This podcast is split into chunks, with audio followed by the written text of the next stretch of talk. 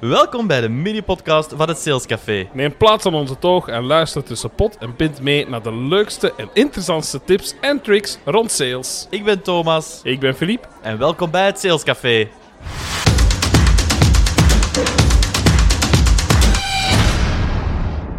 Een hele goede dag allemaal en welkom bij onze nieuwe aflevering van de Sales Café mini podcast. Dag Filip. Dag Thomas. Wij gaan het vandaag hebben over NPS. Voor wat staat dat, Filip? NPS staat voor de Net Promoter Score. Interessant. Een begrip dat heel veel mensen ondertussen al kennen natuurlijk, zeker als ze veel bezig zijn met klanten. Dat is iets waar dat ondertussen heel veel bedrijven gemeten wordt. Mhm. En we gaan beginnen met even kort uit te leggen wat het juist is. En dan gaan we verder uiteraard heel snel naar de opbouw en naar de tips. Kijk hoe. Nu, NPS is uitgevonden, is een meetinstrument, door Fred Reichheld. Ehm Fred Reichheld werkt sinds 1977 als management consultant voor Bain Company. En in 2003 werd hij door Consulting Magazine uitgeroepen tot een van de 25 beste consultants ter wereld. Die man Kan- moet veel geld verdienen, Filip. eh, dat sowieso. En veel kennis bezitten bij gevolg. Want dat Waarschijnlijk, wordt je ja. natuurlijk niet, eh, niet zomaar. Hij is ook schrijver van verschillende boeken, waaronder eh, The Loyalty Effect uit 2001 en zijn meest recente boek Winning on Purpose. Oké. Dus, en in 2001 werd hij ook door de Economist tot de High Priest of the Loyalty Cult genoemd. Wauw. Ja, oké. Dat is, eh, Een dat soort is secten of zo. Of? Ja, daar lijkt het wel een beetje op, dus, eh, nu ik het zo eh, bekijk. Nu, heel belangrijk, NPS, en dat willen we toch even onderscheiden, NPS gaat niet alleen over klanttevredenheid, Mhm. ja?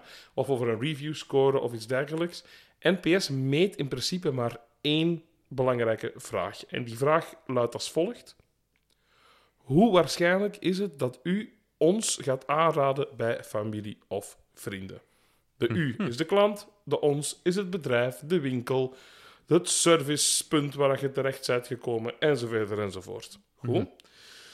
Het is de bedoeling dat klanten een score dus gaan geven op hoe ze een bezoek aan een winkel of een samenwerking met een accountmanager of bedrijf hebben ervaren. Nu, algemeen quoteren ze daarmee een score die gaat van 1 tot 10. Specifiek op de vraag die ik daar juist dus gezegd heb. De klant geeft een bepaalde score en wordt dus vervolgens onderverdeeld in één van de drie categorieën. Geef je een score tussen de 9 en 10, of geef je dus een 9 of een 10, dan word je dus gerekend tot die promotors. Die promotors zijn mensen waarvan we dus kunnen veronderstellen dat ze ons gaan aanraden bij familie of vrienden. Geef jij een 7 of een 8, dan word je gezien als een passive. Heel belangrijk, passives zijn geen ontevreden klanten. Het zijn enkel klanten die niet die echte wow-ervaring hebben gehad, zoals ze ze misschien hadden verwacht, maar die zijn wel tevreden.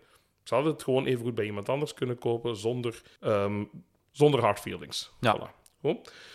Geef je echter tussen een 1 en een 6, dan word je wel gezien als een detractor. Dat zijn dus werkelijk mensen die degelijk horen tot het klantenbestand. Dat is belangrijk. Maar die dus ontevreden zijn over hoe dat ze gaan geholpen of wat dat ze hebben ontvangen. En zij gaan wel degelijk anti-reclame maken. Zij gaan jouw bedrijf, dienst, verkoper afraden bij derden. En zoals je weet, vertrouwen komt te voet en gaat te paard. Dus als je daar te veel van hebt, van die detractors, dan kan u dat echt wel een duit geld gaan kosten. Nou, kan ik me moment. wel inbeelden. Nu, hoe gaat dan vervolgens die berekening? We gaan ons aantal promotors verminderen met onze aantal detractors, de percentages van die twee. En het getal dat daar uitkomt, dat is dan uiteindelijk onze score. Passives worden niet meegeteld in die formule. Waarom? Net zoals ik zeg, die mensen zijn niet ontevreden, die zijn niet heel tevreden, maar die hebben ook geen meerwaarde als het aankomt om die vraag of dat ze jou dus gaan aanraden. Nu, NPS is een systeem, is een score die continu kan evolueren. Ja, die, die score is niet gefixeerd. Ga je, je kan die verbeteren, je kan die score verslechteren. Een voorbeeldje daarvan is een eh, voorbeeld van een busmaatschappij uit Nederland destijds, van een bepaalde centrumstad. Maar zij hadden op een bepaald moment een score, een NPS-score, want die wordt ge- weergegeven op een schaal van min 100 tot plus 100, dus hè, dat varieert enorm. En zij hadden een score van min 33. Aha. Wat denk je? Is dat nu een goede score of is dat nu een slechte score?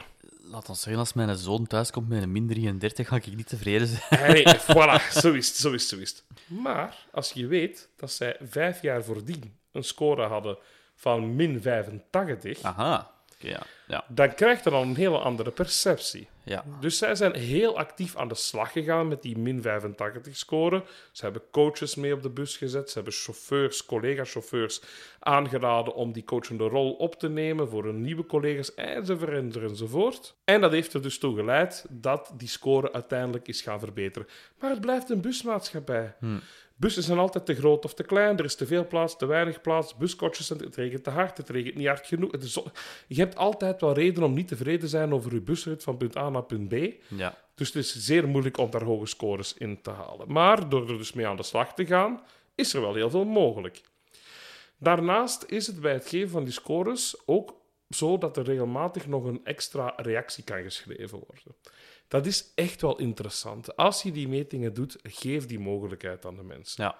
Want nog veel belangrijker dan het krijgen of het geven van een score is natuurlijk wat doe je met die score.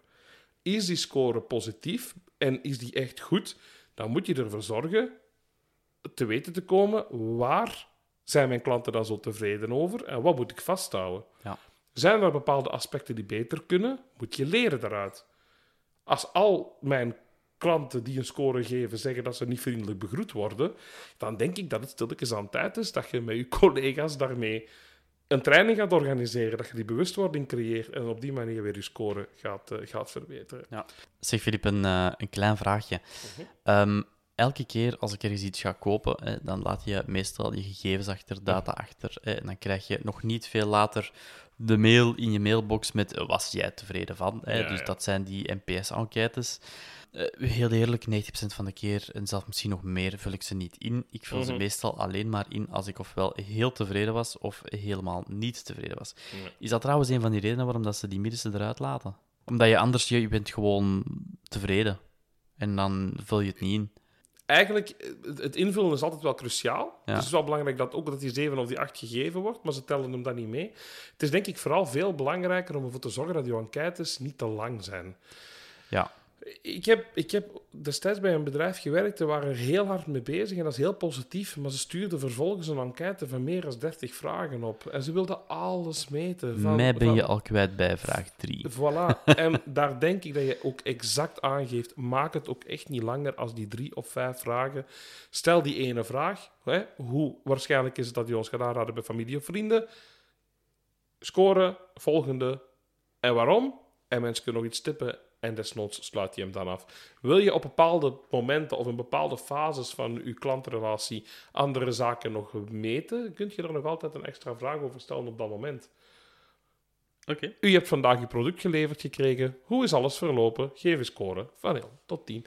Dat is veel interessanter dan vaak dan eigenlijk zo'n hele lange enquête. Ja. En goed dat je dat ook aangeeft, ehm, het invullen van enquêtes is vaak een beetje een drempel. Dus zie je ook wel meer en meer de dag van vandaag, vooral in winkelketens, maar denk ook aan cinema of aan eh, toiletten in wegrestaurants en dergelijke. Het systeem van de zuilen waar vier knoppen op staan Ja, ja, ja, ja. Ja, ja. groen gezichtje, geel gezichtje, oranje gezichtje en een rood gezichtje. En mensen moeten maar met één druk op de knop weergeven wat het gevoel is dat ze krijgen. Dat die reactie komt vaak uit een bepaalde emotie voort, dus die is redelijk echt te noemen. Er zitten ook vaak veiligheidssystemen in voor het kind van vijf jaar dat het heel leuk vindt om twaalf keer op die rode bol te duwen. dus dat wordt ook, eh, wordt ook gemeten. Maar het is laagdrempelig. Het enige nadeel, uiteraard, is dat je dan ja, vaak geen reactie hebt die dat Ja. daarbij Eh, Hangt dat dan bijvoorbeeld, die manier, ik vind het wel Mhm. interessant dat die gebruikt wordt, eh, ah, want ik heb daar zelf ook al op gedrukt, het is heel laagdrempelig. hè. Eh, hangt het ook niet af inderdaad van waar dat, dat staat en, en wat dat dan Ja. de gemiddelde verkoopsprijs is van het product of dienst dat je daar Ja, verkoopt? ja denk, Want ik, ik merk bij mezelf ook, als het producten of diensten zijn die echt van lagere waarde zijn. Bijvoorbeeld, het is een andere aflevering ook nog teruggekomen hè, bij upselling en cross-selling. Eh, het, het draadje dat ik had gekocht voor mijn Beamer. Ja, ehm, ja. Ik heb daar ook zo een, een NPS-enquête over gekregen en die lag heel snel in de vuilbak. Ik had zoiets van, ja, dat is onder de 10 euro. Ik heb... Ja, heb je op dat moment geen behoefte aan. Ik bedoel, Dus- ja, dus als, je geen, als je zegt dat de waarde van het opzichte van het product en een enquête, nee, ik heb daar geen behoefte en geen, geen zin in, dan... dan eh, Ik kan me dan ook weer moeilijk logisch. inbeelden, stel dat je een privéjet koopt, dat er dan op het eh, einde van de, van, van de rit. eh, u mag even langs de, de totem passeren met de Ja, knoppen. voilà, dat is het. En heeft ook vaak met gegevens, wat je net zelf zegt, je gegevens verzamelen. Ja, ook wel. Als jij in een omgeving zit waar het niet mogelijk is om je e-mailadres eh, te krijgen, ja, u wilt naar het toilet, geen probleem, geef eerst even hier uw e-mailadres en, en dan kan u binnen. Ja, het is, eh, het zou niet echt werken, denk Nee, ik. Veel, nee, nee. veel natte broeken tot gevolg. Vooral mensen met principes. Ja. Je krijgt mijn gegevens niet, punt. ja, voilà, inderdaad, inderdaad. En misschien ook de dag van vandaag niet helemaal onlogisch meer. Nu, even een voorbeeld noemen. En om jullie even wegwijs te maken op welke manier dat dus een bepaald profiel kan gevormd worden bij een klant. Dus die promotors, passes of detractors gaan we dat spiegelen tegen een heel typisch voorbeeld. Het ophalen van de wagen na een onderhoudsbeurt bij de garage. En we beginnen eigenlijk op de positieve manier. We gaan beginnen met de promotors. Dus stel u nu voor, je gaat je wagen ophalen. Hoe fijn is het dan dat de baliemedewerker of de garagiste zelf jou al herkennen als je binnenkomt? Dat is tegen jou zeggen: Ah, dag meneer Dupont, u komt de wagen halen, zie ik. Wel, ik heb hier voor u uw sleutel al vast, die ga ik aan u geven. Dan expliqueer ik voor u even de rekening, wat we juist gedaan hebben of niet gedaan hebben. Ik loop even met u mee tot aan de wagen. En beste klant, wat we ook voor u gedaan hebben na het onderhoud, we hebben eventjes de wagen gestofzuigd. Op die manier kan u in een propere wagen stappen. Dat is altijd extra fijn en gezellig. Zalig. Ik heb dat ene keer voor gehad. is toch Eh, top? dat was hier in een garage, eh, ergens Antwerpen-Noord, Ja. in de buurt van, het, eh, van de metropolis. Ja?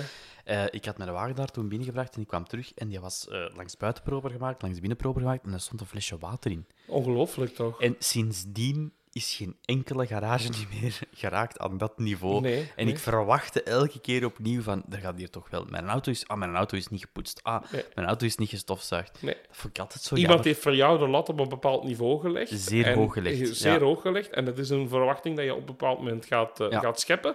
Maar waar dat zeker en vast het merendeel van de garages niet aan zal voldoen, vanwege allerlei excuses als zijn we geen tijd voor, en dat water kost geld, en ik moet toch niet stofzuigen, enzovoort enzovoort. Maar het is wel wat verschil maakt. Kijken we dan naar het voorbeeld van de passive, dan wil ik nog eens herhalen, dan gaat het dus niet over mensen die ontevreden zijn, maar mensen die gewoon behandeld zijn naar zoals, het zou, zoals ze zouden verwachten. De medewerker achter de balie van de garage is vriendelijk, geeft de sleutel af, maar die zal dan weer niet meelopen naar de auto, zoals jij ook net aangeeft, dat flesje water, het zal er niet liggen, maar die is wel tevreden. Het is gewoon goed verlopen. Gaan we nu kijken naar hoe dat je een detractor creëert binnen zo'n eh, voorbeeld, dan denk ik dat dat ongeveer zo zal klinken.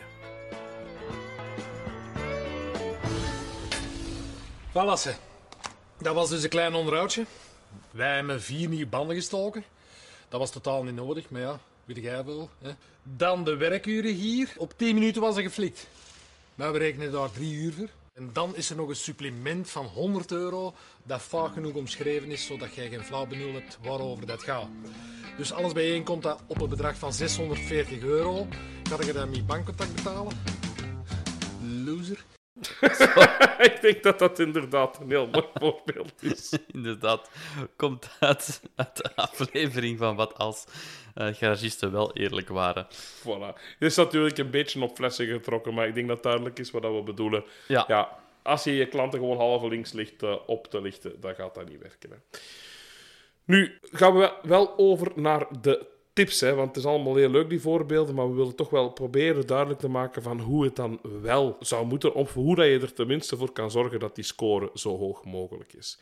En daarvoor gaan we jullie opnieuw laten luisteren naar een fragment.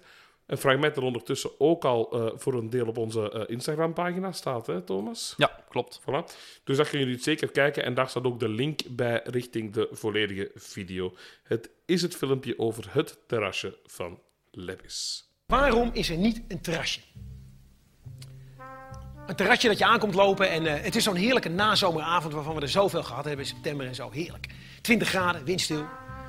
En je komt aanlopen en er is nog één tafeltje vrij. En je gaat zitten, groot terras, druk. En, eh, en je ziet de serveerster staan en je doet zo van... Ze knikt van, kom zo bij. En ze komt ook. En ze vraagt, wat kan ik voor je doen? En je zegt van, nou, ik wil graag een, eh, graag een ijskoude rosé en, en iets te eten. Dus even later komt ze met een ijskoude rosé en echt koud, hè? Het water parelt er aan de buitenkant vanaf. En ze geeft de kaart en je ziet meteen staan de salade niet zwaarste. Dat is je favoriete salade. Met een ansjovisjes erin, weet je. Dan proef je de zee. En eh, even later komt ze terug. Weet je, je bent halverwege je glas, een kwartiertje later. En je zegt van, nou, ik, eh, ik wil graag de salade niet zwazen. En brengt u daar maar meteen een, eh, nog een rosé bij. Die is wel op tegen de tijd dat u komt. En inderdaad, je neemt net je laatste slokje van je rosé. En daar komt ze. Met een prachtige salade niet zwazen. En een verse rosé. En ze loopt weg. En op het moment dat ze wegloopt, bedenk je opeens... Mayonaise. Ik wil de mayonaise bij. En je draait je om en ze is al drie tafeltjes verder. En je, roept, sorry, maar hij heeft ook mayonaise. En ze doet niet alsof ze je niet gehoord heeft. Nee. Ze zegt, ja natuurlijk meneer, we hebben eigen gemaakte. Kom ik zo bijbrengen.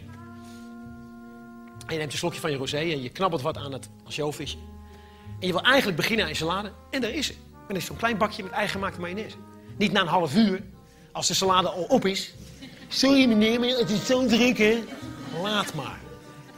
En je pakt een stukje ei en je doopt het erin. En eh, goddelijk hè. Perfecte mayonaise. En je eet de salade op en je geniet van je rosé. En een half uur later komt ze langs en ze ruimt je tafel af. Met een routinegebaar, met zo'n nat doekje, maakt ze even je tafeltje schoon. En ze gaat er nog even met een droog doekje achteraan. Dat je niet met je armen in die natte hap zit. Ze is goed, hè? En ze vraagt, wilt u nog iets? En je hebt eigenlijk niet zo heel veel tijd, je hebt nog een afspraak. Maar ze hebben de Illy koffie. Dat vind je de lekkerste koffie die er is. Dus je zegt, nou, ik wil graag een eh, kopje koffie. Maar ik heb niet zo heel veel tijd. En ze loopt weg en even later zie je er over het terras lopen met een groot dienblad vol met bier, cola. En ze komt eerst naar jou toe. Warme drankjes eerst. Niet eerst iedereen een ijskoud biertje en jij een pislauwe Illy. En je pakt het kopje beter, zelfs het kopje is heet. Hè? Dat hebben ze eventjes eh, voorverwarmd van tevoren, zoals het hoort. En je pakt het kopje en je ruikt eraan en, man, en je neemt een slokje en hij brandt naar binnen. En je zit tegen geluk aan, hè. Je zit tegen geluk aan. Wat voedsel soms met je kan doen. Dat je verliefd kan worden door voedsel. En je bent klaar, je wil afrekenen, je ziet er staan. Je doet even zo dat je wil afrekenen. Ze knikt en ze komt naar je toe. Ze hoeft niet eerst naar binnen om een of ander ingewikkeld dingetje te halen of een bonnetje. Nee. Ze komt naar je toe en ze, ze heeft zo'n buideltje en ze, ze rekent zo'n beetje uit het hoofd uit wat het is. Ze zegt, nou dat is eh 14,10 euro. En je voelt in je zakken, je hebt een briefje van 20, je legt het neer. En je hoort jezelf zeggen, nou is wel goed zo. En op dat moment besef je dat 6 euro een enorme fooi is op dat bedrag. en je kijkt eraan en ze bloost ook een beetje. Ze heeft van die kuiltjes in de wangen. En, eh, en je staat op en je zegt, nee, het is echt het is goed zo. Je voelt een beetje kriebelen in je maag. Dat je denkt, oké, ik ga weg. En je zegt, nee, het is goed zo. Het was gewoon perfect. Het is oké. En terwijl je wegloopt, bedenk je opeens dat je je fiets vergeten bent op slot te zetten. En je komt aan bij de boom en eh, hij staat er nog gewoon. Waarom zijn dat soort terrasjes er nou niet? Als we willen kan het, hè? Als we willen kan het. Nederland. Voilà, zet, Thomas. ik denk dat je dat hetgeen is wat we bedoelen. En ik denk dat onze luisteraars dat ook heel hard kunnen uithalen. Hoe ga je er nu voor zorgen dat je die extra goede score neerzet door die verwachtingen te overtreffen? Mooie aflevering trouwens. hè. Absoluut, hebben een hele aflevering aan gewijd. In dit specifieke voorbeeld hoor je het. Hè. Het onmiddellijk aanspreken van die klant. Het uiterst vriendelijk en behulpzaam zijn. Die klanten niet te lang laten wachten op een product of dienst. Die extraatjes die dat je gaat doen, die, die je meldt, hè, dat je die ook toont. Die huisgemaakte mayonaise onmiddellijk brengen en niet als die salade al half op is. Het droge doekje achter het natte doekje aan. Al die kleine extraatjes gaan ervoor zorgen dat die klanten zoiets hebben van... Oeh, dat is echt wel, eh, dat is wel iets wat ik op een ander dan weer niet ziet. En daarin denk ik dat eh, de zin walk the extra mile een hele belangrijke is. En ook absoluut practice what you preach. Als jij zegt dat je iets gaat doen en je doet het vervolgens niet, dan ga je je vertrouwen opnieuw gaan schaden. Oké, vervolgens gaan we dan nog eens kijken naar hoe je dat dan precies moet doen. Dus de belangrijkste tips halen we eruit. Vriendelijk zijn is natuurlijk een karaktereigenschap, ja.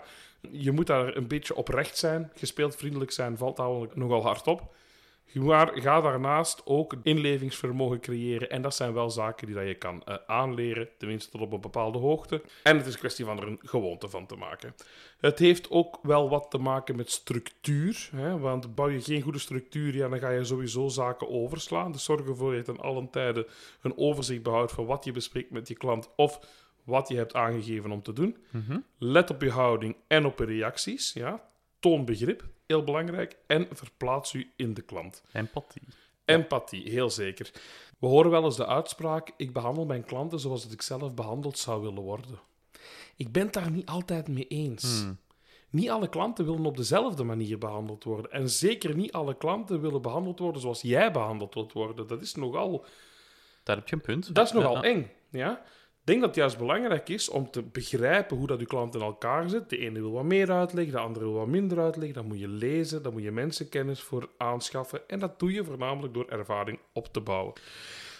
Alleszins, ga er oefenen. Heel belangrijk, want als je daar niet oefent, dan ga je dat ook niet leren. Ja, begrip tonen is iets wat je echt wel je collega's kan, eh, kan aanleren.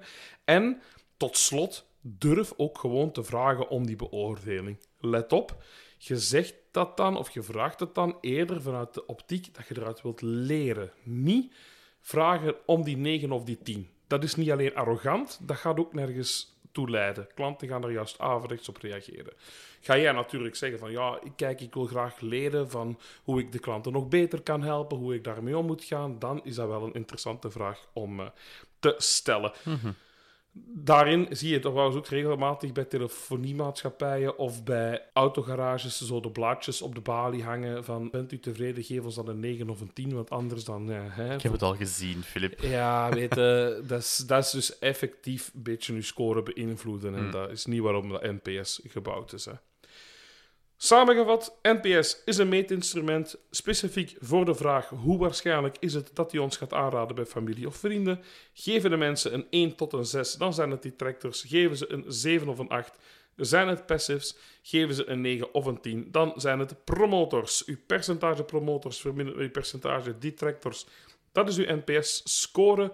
Dat kan weergegeven worden op een schaal van min 100 tot plus 100. En hoe hoger je score, hoe waarschijnlijker het er is dat je klanten dus gaan aanraden bij derden. Hoe zorg je ervoor dat je die goede score krijgt? Door de verwachtingen te overtreffen. Wees vriendelijk, toon begrip, doe wat je zegt en zeg wat je gaat doen. Extraatjes doen helpt daar natuurlijk ook bij. Meewandelen tot aan de auto is bijvoorbeeld daar een voorbeeld van. Daarnaast durf te vragen om een reactie en doe dat dan vanuit het lerende perspectief. Dus vraag niet om die 9 of die 10. Dat is een mooie samenvatting, Filip. Dankjewel. Dat is graag gedaan. Bij deze, ja, zou ik nog willen eindigen met de quote. Ja, ben benieuwd. Ik heb een quote gepakt van Fred Reichelt zelf, hè, de peetvader van de NPS. Dat leek mij eh, gepast. Mooi. Welke En- nationaliteit heeft die man eigenlijk? Dat is een Amerikaan. Dat is een Amerikaan. Ja, ja, ja, absoluut. En hij omschrijft het als volgt. Hè. The more we care for others and make their lives better, the happier we are. In a well-run business, the wealthier we are. Mooi. Alsjeblieft. Ik zou zeggen, volg ons via alle bekende kanalen, Thomas. Ja, Instagram bijvoorbeeld, het Salescafé, Facebook, het Salescafé. Eh, en geef ons ook een beoordeling op Ja. Want nu doen we het Spotify. zelf. Ja, Ik op was even aan het zoeken Spotify. wat het is. Spotify. Maar nu vragen wij er ook zelf om. Hè? Ja. We vragen om die oordeling. Dat wil niet zeggen dat je ons vijf sterren moet geven. Geef ons gewoon de oordeling die je wil geven. Ja. Maar wij leren er ook heel hard uit. Dus Absoluut. hebben jullie suggesties, opmerkingen? Ben je het eens met iets, maar ook ben je het oneens met iets? Laat het ons weten. En dan kunnen we daar het zeker nog een keertje over hebben. Oké, top. In ieder geval bedankt voor vandaag. Tot de volgende. Bye bye. Bye bye.